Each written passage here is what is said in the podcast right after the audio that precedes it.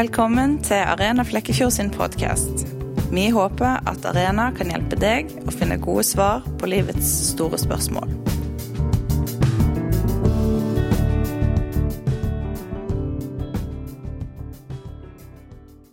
Big Bang. Eh, Big Bang-teorien eh, det er en sånn type teori som ofte eh, blir misforstått som at eh, Big Bang-teorien sier at noe kom fra ingenting. Eh, Big Bang-teorien sier ikke at noe kommer fra ingenting. Det Big Bang-teorien sier, det er at det, fra det vi ser i dag, eh, så ser vi pekere mot at eh, hvis vi går bakover i tid, så eh, går ting nærmere og nærmere. nærmere, Og så ser vi også pekere mot at rett før det hele begynte, så gikk det veldig fort sammen. Og rett før dette faktisk blir et punkt, så stopper Big Bang-teorien. Fordi der slutter Big Bang-teorien å fungere. Eh, og, og, si da at eh, eh, altså Det beste du kan si, det er at det, eh, kan se ut som om Big Bang-teorien peker mot at universet kommer fra ingenting. Men matematikken fungerer ikke på det punktet. Altså Ingenting fungerer på det punktet. Så um, Big Bang-teorien den stopper før vi faktisk har ingenting. Det er også nokså naturlig. Uh, fordi at eh, hvis du hadde ingenting, så har du ingen ressurser å bruke. Hvordan skulle du bruke eh, matematikk til å vise at fra ingenting så begynner noe å eksistere? Ja. Jeg er helt enig. Eh, Jeg er helt enig. En gud kan heller ikke oppstå ingenting. Så hvis en gud eksisterer, så må han ha eksistert evig.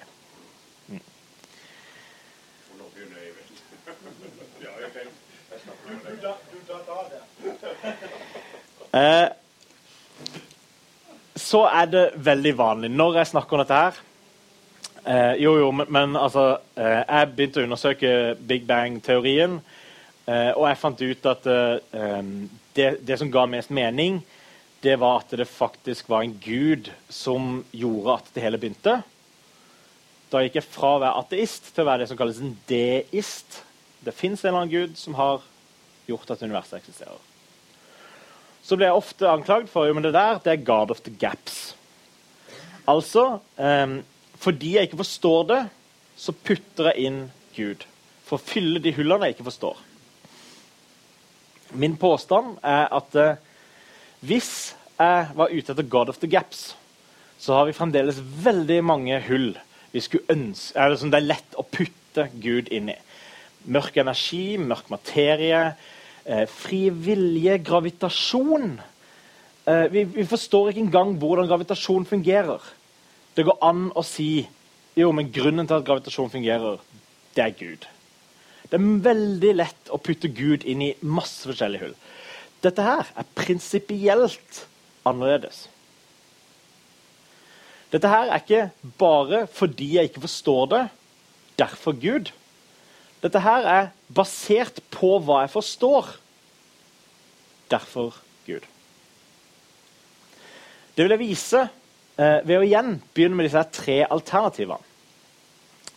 Eh, det er sånn at noe må ha vært det første som var. Uansett hvordan du vrir og vender på det, så er det noe som må ha vært det første som var. Så er det mange som fort vil si ja, det kan være det var ingenting. Riktig, da er ingenting det første som var. Så ingenting, det er et alternativ. Det kan være ingenting var det første som var. Hvis det ikke var ingenting, så kan det ha vært noe fysisk som var det første som var. Det kan være at eh, det første som var, det er noe av det vitenskapen kan undersøke. Og når jeg sier noe fysisk, så mener jeg det som er innenfor at vitenskapen kan undersøke. Det kan være at noe fysisk er det som var først. Eller så kan det være at det var noe ikke-fysisk.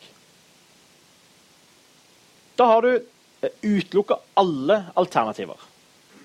Fordi vi har en, eh, det som eh, kalles en eh, logisk uttømmende kategori, A eller ikke A, fysisk eller ikke fysisk, så kan vi si vi har dekka alle kategoriene. Jeg har putta inn ingenting for pynt. For i teorien så kan du si ingenting. Alt etter hvordan det defineres, havner enten i det fysiske eller i det ikke-fysiske. Så, så, egentlig er det bare to. Men um, jeg syns det er lettere og, og, bedre å sortere det sånn. For da eh, blir det lett å kommunisere dette her med ingenting. For det, det å kommunisere om ingenting, det er veldig vanskelig. eh, det er veldig lett å si veldig masse om ingenting. Men så lenge jeg snakker om ingenting, så har jeg ikke sagt noe viktig allikevel. Eh, så eh, det første jeg vil si om ingenting, det er at hvis det faktisk ikke er noen ting, altså det er ingenting, eh, så mangler det som er der, forklaringskraft for hva som skal være det neste som er. For vi er alle sammen enige om at i dag er det noe annet enn ingenting. Det håper jeg Det, det uh, forsto jeg sist, etter sist, så, så, etablerte vi Vi er her, og vi er enige om den typen uh, ting. og det ble også nevnt, som jeg sa sist, at etter, noe av det jeg ser som er aller nærmest blind tro, det er når folk sier jo, men universet oppsto fra ingenting. Nettopp fordi det kan ikke eh, altså Det har ingen forklaringskraft på noen som helst måte. Det er nettopp det som er kvaliteten med ingenting. Det var veldig masse om ingenting. Eh, så står vi igjen med to eh, alternativer som eh, potensielt gir mening. Eh, det er at det første som var, er noe som var fysisk. Og at det første som var, er noe som er ikke-fysisk. Når jeg gikk inn i, i uh, denne samtalen første gang da jeg var 18, uh, eh, og vi satte oss ned og diskuterte i fem timer, så var jeg enig. Ja, det er i teorien mulig at det kan ha vært noe fysisk, det kan ha vært noe ikke-fysisk. Jeg lente selvfølgelig mot at uh, det ga mest mening om det var fysisk. Uh, fordi jeg da nettopp trodde at det ikke fantes noen gud eller noe lignende. Men uh, jeg var enig i at prinsipielt er det i hvert fall mulig. Så, etter at vi hadde diskutert rimelig lenge, ca. fem timer, så var meg og han jeg diskuterte med, vi, vi var på mange måter enige. Ikke om konklusjonen, men om at eh, hvis vi har forstått Big Bang-teorien riktig, så er dette her faktisk et godt argument for at Gud eksisterer. Når jeg eh, da gikk ut av den samtalen, så tenkte jeg ah, det jeg skal gjøre nå, det er å lære meg hvordan Big Bang-teorien egentlig er. Sånn at jeg kan vise at vi tok feil, Eh, og eh, det var ikke et godt argument allikevel. Så skal jeg ikke påstå at vi kunne alt om Big Bang-teorien på noen som helst måte. Men eh, i den perioden jeg undersøkte, og eh, fra da og til nå, hvor jeg har fortsatt å lese stort sett det jeg kan komme over, så er det i hvert fall ingen prinsipielle forskjeller som eh, har endra konklusjonen. Eh, Big Bang-teorien fungerer litt sånn her. Eh, vi ser i dag mange forskjellige pekere, eh, i hvert fall fem sånn grunnleggende pekere, mot at universet har eh, en begynnelse.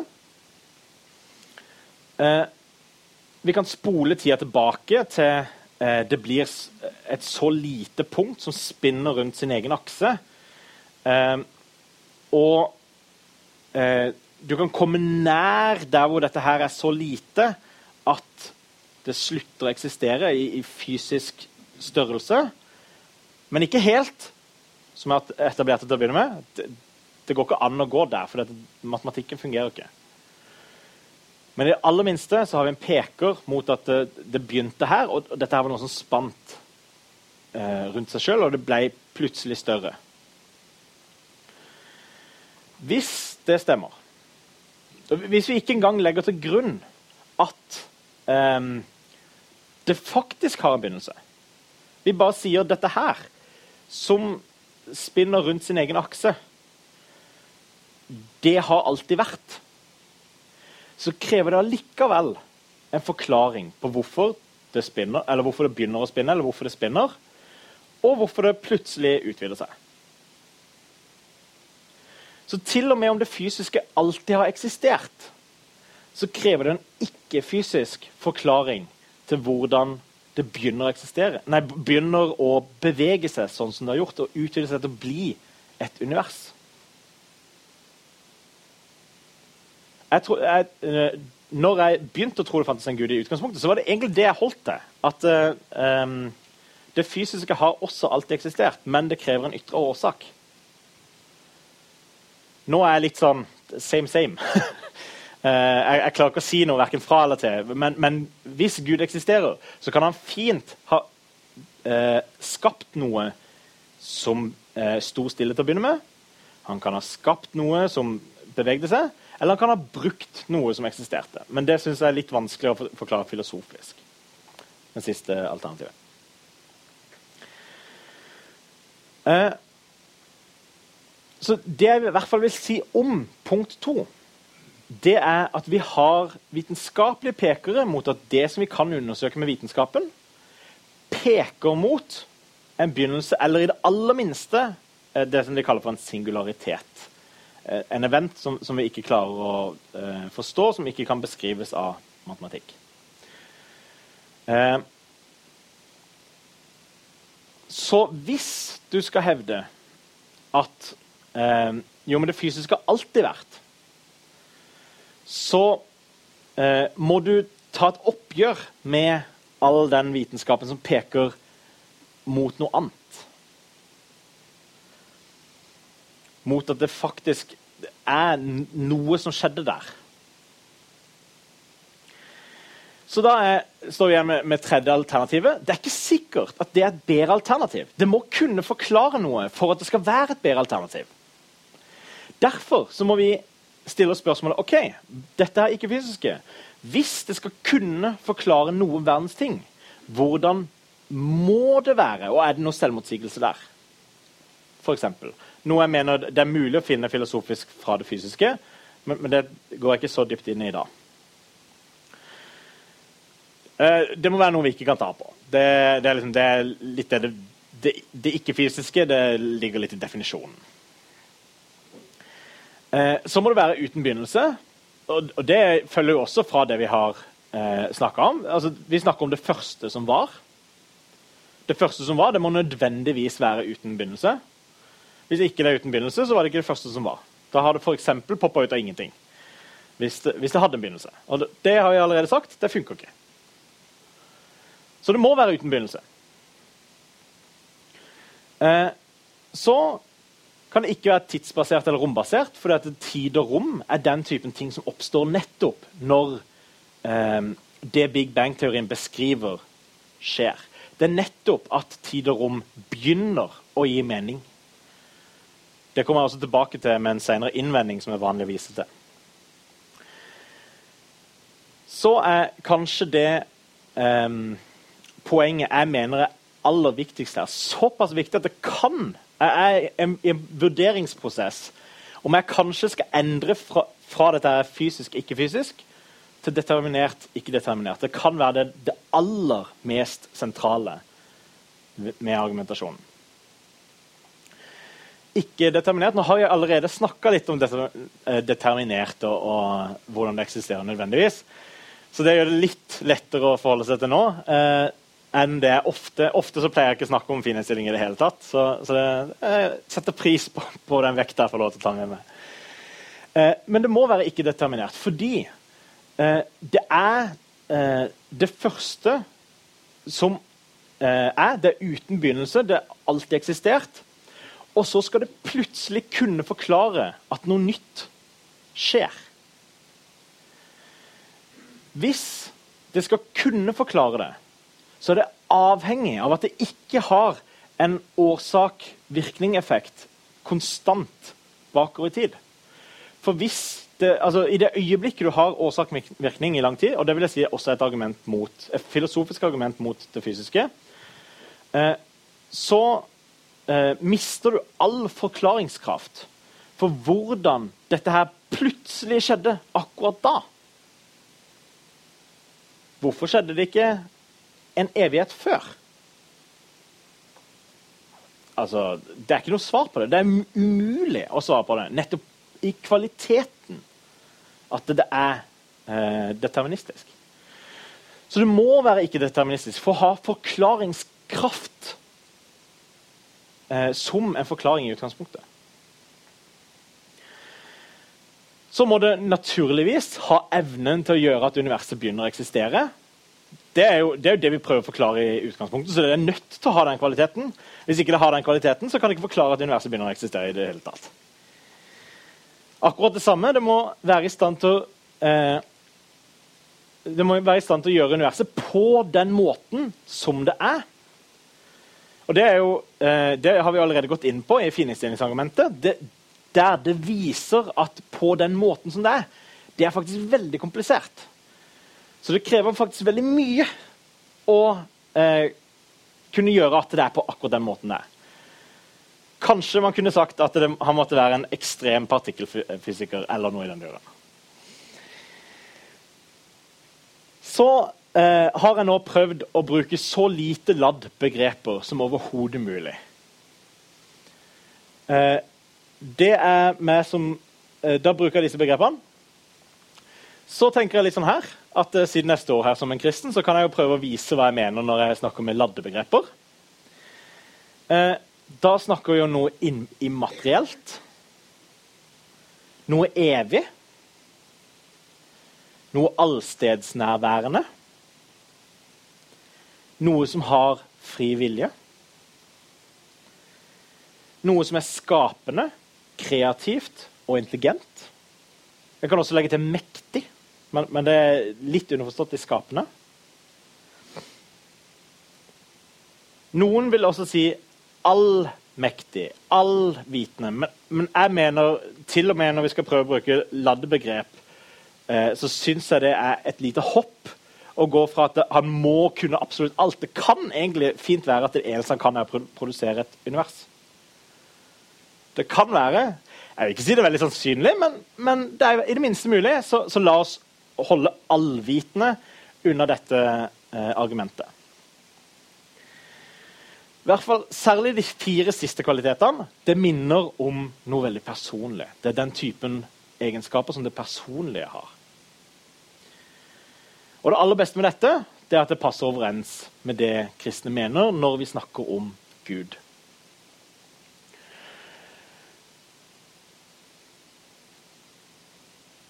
Så skal jeg ta for meg noen vanlige innvendinger mot det argumentet jeg presenterte nå.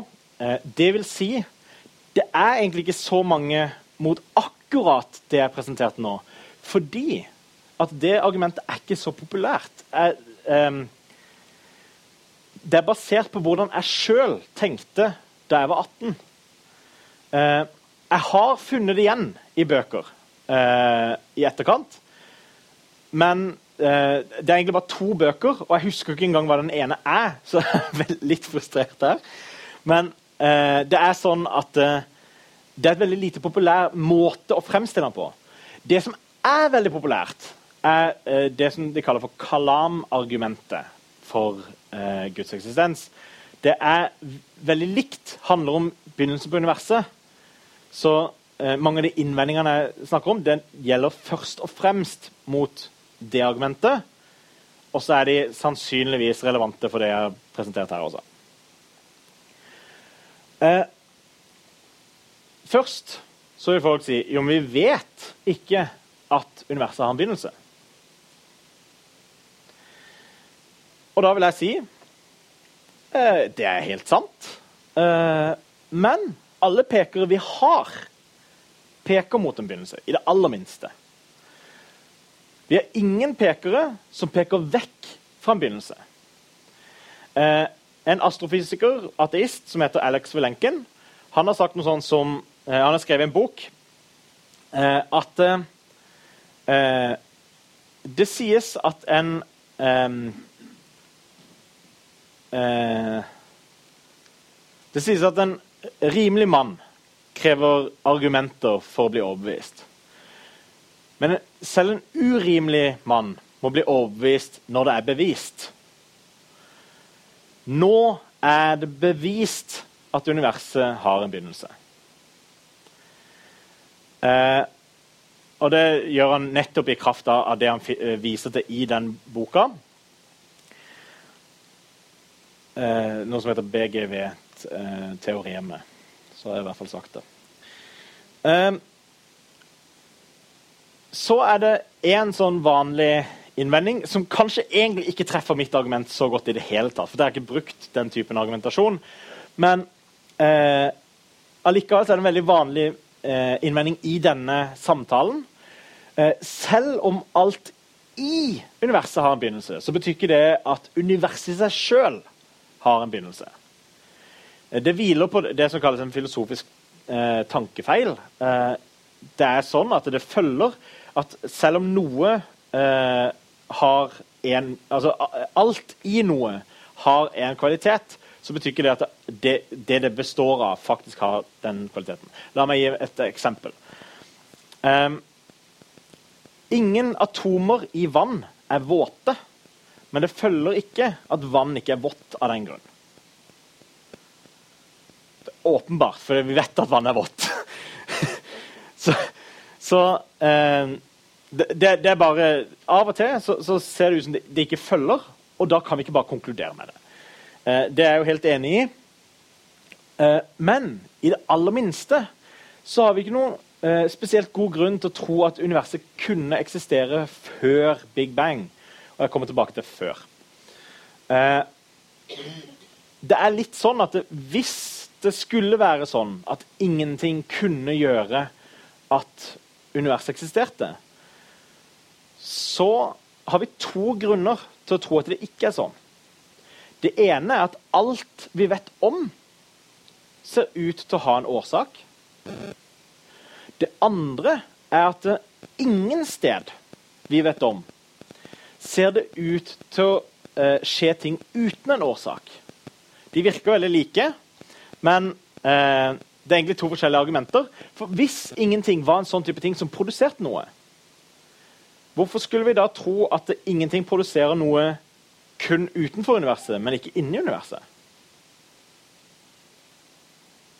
Vi har ikke noen åpenbar grunn til, til å eh, mene at det henger sammen på den måten.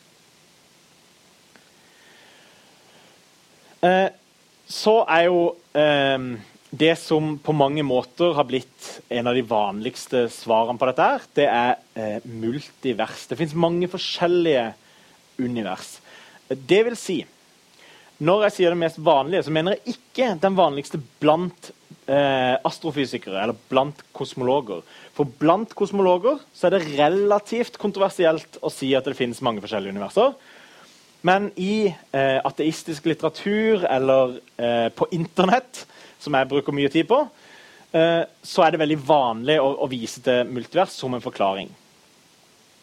Eh, for det første så er multivers hypotesa en slags respons på fininnstillingsargumentet. Det er nettopp fordi at uh, Dette her er jo vanskelig å forklare at um, det, det ser så spesifikt ut. Ok, En god forklaring på det det er at uh, vi ikke er så spesielle. Det er sånn at um, det finnes mange universer. Da er ikke dette her spesielt. Da er det bare en av, en av mange da blir det mer sannsynlig. For så sier eh, Stephen Hawking han eh, sier det at det, jo, det fins eh, ti opphøyd i 500 universer. Grunnen til at han sier akkurat det tallet, er fordi at når han regner på stringteori, som er en sånn type teori som han eh, forkjempte Det er ikke så nøye hva det akkurat er. Eh, så kommer han fram til at vår verden er én av eh, ti opphøyde 500.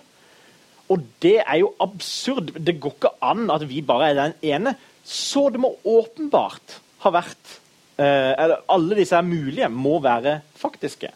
For hvis ikke, så blir det så usannsynlig. Eh, så er det jo også et litt sånn poeng at det, la oss si det eksisterer en hel haug av universer. Det møter jo ikke prinsippet her i det hele tatt. For spørsmålet er jo like fullt at dette her er jo like mye en fysisk forklaring.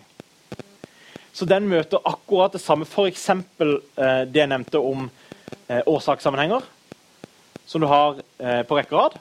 Det problemet står akkurat like solid uansett om du har multivers. Så hvis multivers eh, er det som beskriver virkeligheten, så har du likevel ikke eh, kvitta deg med problemet som, som Gud er svaret på i utgangspunktet allikevel. Eh, så er det mange som vil si eh, det gir ikke noe mening om å snakke om før Big Bang. Det var også noe Stephen Hawking sa. Eh, han sier det er som å snakke om nord for Nordpolen. Eh, tingen er at det, altså, eh, det er for så vidt sant. Som jeg sa, at tid og rom oppstår all, ifølge Big nettopp når vi begynner å snakke om altså det, det, er første gang de begrepene gir mening i det hele tatt. På samme måte så, så, så er jeg enig i at sammenligninga fungerer. Når, når, du kommer til Nordpolen, så er spørsmålet hvor er nord nå?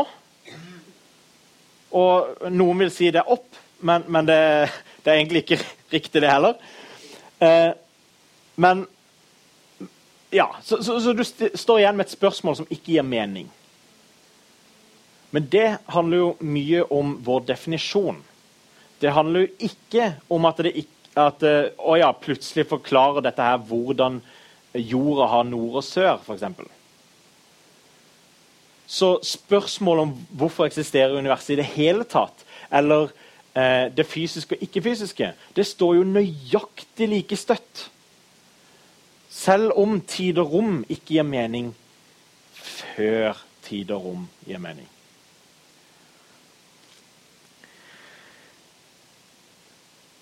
Så eh, er det litt sånn her at eh, siden jeg nå står her og eh, snakker om begynnelsen og eh, representerer som en kristen, så tenker jeg at i det aller minste så må jeg si litt om eh, skapelsesberetninga. Eh, og da vil jeg si skapelsesberetningene i flertall.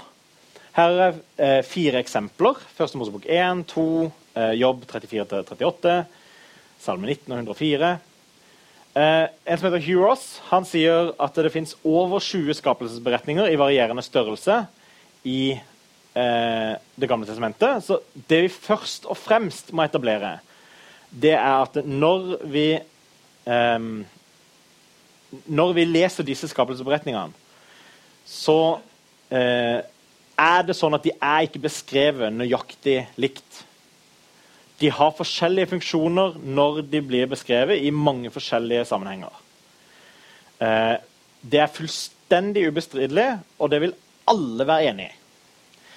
Eh, så det betyr i det aller minste at eh, sjanger ser ut til å bli relevant. Eh, og intensjon med det som er skrevet, ser ut til å bli relevant. Eh, et litt sånn overfladisk poeng. Eh, en del sier at eh, må la, du må la Bibelen tolke Bibelen. Eh, selv om jeg selvfølgelig er enig i det på ett vis. Så er det også viktig å ha med seg at det er faktisk helt umulig å lese en tekst uten å bruke sin egen fornuft, eller å lese i lys av det du vet. Um, hadde du gjort det, så hadde du lest når Jesus sier 'Jeg er porten', så har du tenkt hm, rart. Han ble en port. Og, og, det gjør vi åpenbart ikke fordi vi vet at mennesker er den typen ting som ikke blir porter. Samtidig så, så mener vi også at Jesus er Gud, så han er faktisk i en posisjon hvor han kunne blitt en port. Allikevel så mener vi ja, det er en urimelig måte å lese teksten på. Eh, ja. Så jeg skal si litt om eh, Første Mosebok 1 og 2, som er de vi ofte, eller aller, aller, aller ofte snakker om når vi snakker om eh, skapelsesberetninga. Eh, det aller første poenget jeg vil gjøre, det er at disse to tekstene står rett etter hverandre. Eh, de, i, altså, da de ble skrevet, så var det ikke tall her. Så dette var én sammenhengende tekst. Eh, la oss si at eh, en del sånn bibelkritikere eh, som mener ja, men det er forskjellige forfattere og alt mulig ok, La oss si det stemmer. En eller annen har satt disse her ved siden av hverandre. Uansett hvordan du møter den teksten, eh, så er konklusjonen noen mener at den, disse her to kan stå direkte ved siden av hverandre. Det betyr at når vi ser åpenbare forskjeller, så kan ikke det ha vært hemmelig for noen som leste disse her to sammen. Eh, for det første så er eh, særlig eh, Første Mosebok 1 mer diktaktig enn veldig mange salmer. Det er så diktaktig at vi trenger ikke å lese det på hebraisk for å forstå det. Vi kan lese det på norsk og se um, mange sånne diktaktige elementer. Vi ser gjentakelser, vi ser systemer, vi ser masse ting med denne her som, som er typisk for prosaisk uh, informasjon. Men salmer og dikt kan også si noe sant. Så har i hvert fall altså det, Eh, veldig ofte så er hensikten med dikt er ofte å kommunisere noe som, som, de mener er i det aller minste eh, virkelig eller sant på, på ett nivå. Minst ett nivå. Eh, så er rekkefølgen mellom første og andre Mosebok den er forskjellig. Eh, I eh, andre Mosebok Nei, første Mosebok, kapittel to eh, så er det første som blir skapt, det er Adam. Så kommer dyrene og plantene og alt det levende og alt det der. Og så kommer Eva. Eh, jeg håper at vi har eh, nok eh, felles kunnskap her til at vi er helt med på at det er ikke den rekkefølgen som vi vanligvis blir snakka om disse syv dagene. Ja, da, da kommer mennesket til slutt. Det er en åpenbar forskjell. Det er ikke, jeg, jeg vil si det er ikke et problem. Det er bare en veldig viktig indikator på at um, Ja, jeg skrev ikke ned det punktet. På, det er en veldig viktig indikator på at uh, kronologien ikke ser ut til å være det aller viktigste med disse tekstene. Hvis det var det, så burde de i det minste, når de står rett inntil hverandre, matcha på kronologien. Så det ser ut som det ikke er det aller viktigste. Allikevel så er det interessant å se at første Mosebok faktisk stemmer overraskende godt. Ikke perfekt, men overraskende godt. Eh, med det som eh, mange vil si da er eh, den aksepterte vitenskapelige konsensus. Eh, så vet jeg ikke hvor mye vi skal legge i det. Uh, jeg syns det er interessant nok til å nevne det. Fordi eh, når vi leser andre tilsvarende mytologier på den tida, så treffer de dårligere, mye dårligere på rekkefølgen.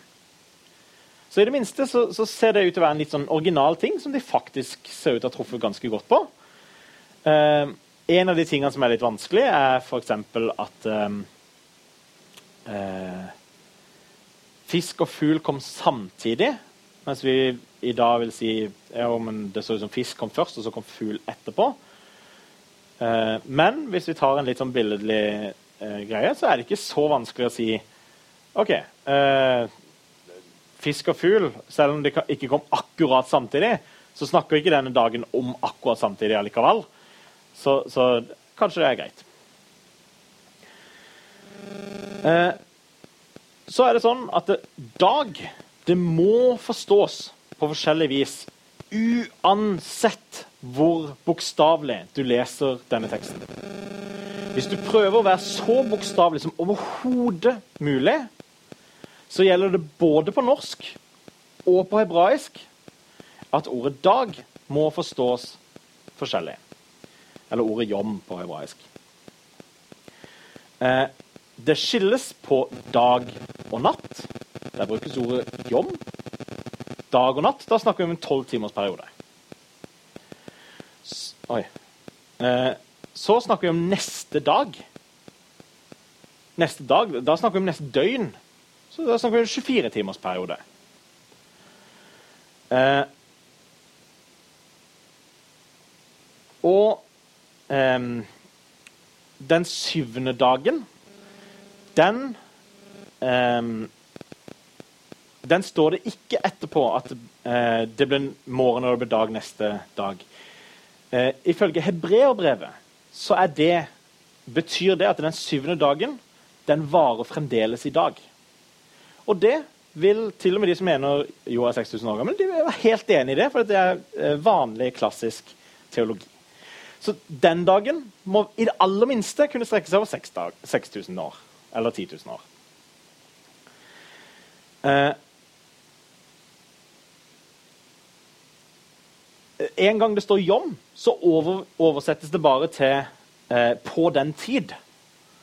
Så til og med eh, det, det, er til og med mer fleksibelt på hebraisk enn det vi bruker på norsk, selv om vi kunne sagt eh, 'dag' der også, men, men, det hadde kommunisert enda dårligere enn det det gjør på hebraisk. Så eh, i det aller minste eh, så ser jeg ikke noen sånn åpenbar grunn til å sette disse her eh, skapelsesberetninga og den vitenskapelige eh, samtalen eh, i tydelig krasj. Uten at det koster veldig mye i forhold til eh, tolkning. Altså, dette her er helt enkle prinsipper som du ikke trenger å være hebraisk lærd eller eh, diktekspert for, for, å kunne trekke fram. Eh, dette kunne jeg gjort etter eh, barneskolen, liksom. Takk for at du hørte på dagens episode. Hvis du vil vite mer om Arena, kan du finne oss på Facebook. Der heter vi Arena Flekkefjord. Eller gå inn på hjemmesida vår arena-flekkefjord.no. Vi vil gjerne høre fra deg, og vi håper at vi ses på Spira.